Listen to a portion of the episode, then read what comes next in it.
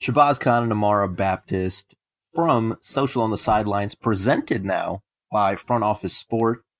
Amara, how do you feel about this partnership? I mean, I'm super excited. Uh, me personally, I I got into this with you just because I wanted to be able to share some unique stories across the league, and I obviously got my start just by meeting different folks across uh, social, and so I, I thought this would be a really good opportunity to one reach uh, people outside of um, our own network and, and also collaborate with different folks across the social and sports network. Yeah, for sure. I'm super excited too.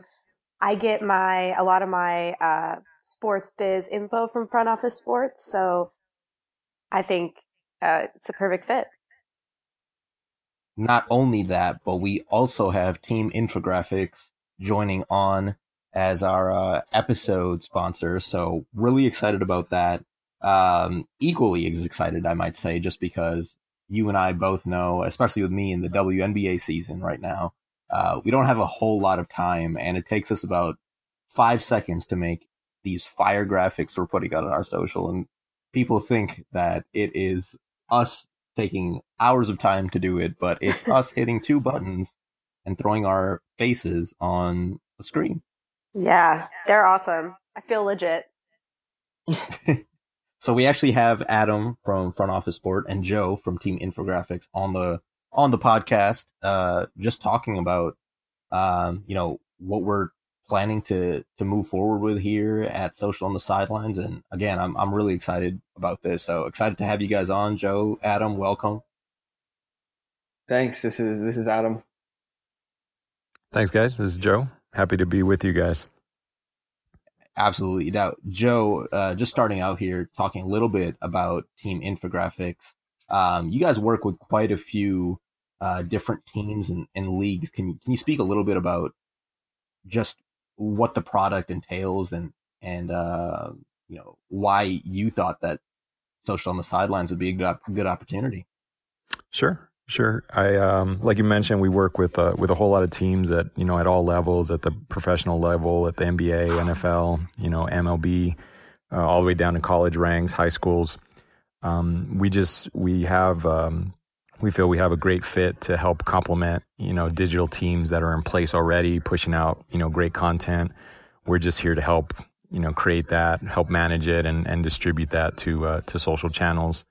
Uh, the reason we wanted to be involved with both uh, with both you and Amara and front office was we're a big fan of the show first and foremost. Uh, what you guys are doing, I think, is invaluable to to people in the industry, and the type of insight that you guys can provide is is unbelievable. Um, so we're you know fans first of that show and and when we heard about the opportunity to, to partner with front office and you guys and, and helping grow this thing you know it was it was a no-brainer for us. We had to jump at that opportunity to to hopefully help you guys continue to grow it and, and continue to help you know provide that info that you guys are giving to to people in that sports industry.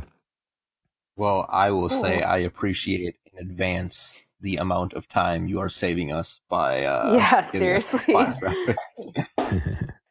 Lord knows I would have taken four hours and calling Amara nonstop, uh, just about trying to figure this thing out. Now, Adam, on your on your front, uh, obviously, you know, I've I've worked with front office sport in the past. Uh, did a little Instagram takeover, and I really enjoyed the community over there. Uh, but really, tell us a little bit more about uh, where you see this thing heading. Yeah. As, as Amara and I are teaming up with with you guys and uh, what the opportunities uh, for young professionals might be with this partnership. Yeah, no, absolutely. And I think uh, the coolest part was once we started this conversation after the Instagram takeover, I'd really seen the power of not only your network and, and your personality, Shahbaz, but what you and, and Amara were both bringing to the table, right? So when we were looking at this and how it fit with our brands, and what we do with front office sports is we take a more of a personal to person approach. So, like you mentioned, the community aspect, all of our stories are usually either written by people who've worked in the sports industry or who are currently working in the sports industry. And we've found that voice to be very appealing to people who are currently in the industry and are wanting to learn more about it, wanting to get that next edge, wanting to make the next step. And so I quite honestly stalked you guys as you were doing the podcast, like not like weirdly, but I saw it come out and I continued to follow it and see what you guys were doing and listen to what you were doing and seeing the response on social. And we internally had had a lot of a call from our community members to do podcasts, to do something on the audio space. And quite honestly, with us and our team being very lean, it wasn't an opportunity that we wanted to jump into right away. But then when I saw what you guys were doing and the personalities that you both have, and I think that's the most important part, right? You look at some of these very other successful podcasts in other industries, whether it's Barstool, whether it's The Ringer, whatever it may be, it's personality driven first and then supported by the distribution of whatever it is that they're partnered with. So like JJ Redick with The Ringer, you know, pardon my take with Barstool, all personality driven with the distribution of their supporting take. And so when I saw that with you guys, I said, wow, we could do the same thing in the sports business industry with the personalities of Amar and Shahbaz teamed up with the distribution of front office sports. And then also now with the graphics and, you know, the other social content creation possibility we have with Team Infographics. And, you know, Team Infographics is already a current partner of ours.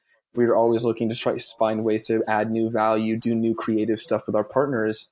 And so once I had talked to Shahbaz and, and you a couple weeks before, and then I saw the podcast come out and I actually saw Joe tweet to you guys about I really liked it and I screenshotted it and I'm pretty sure I emailed it to him and I said, "Yo, so crazy idea, Joe.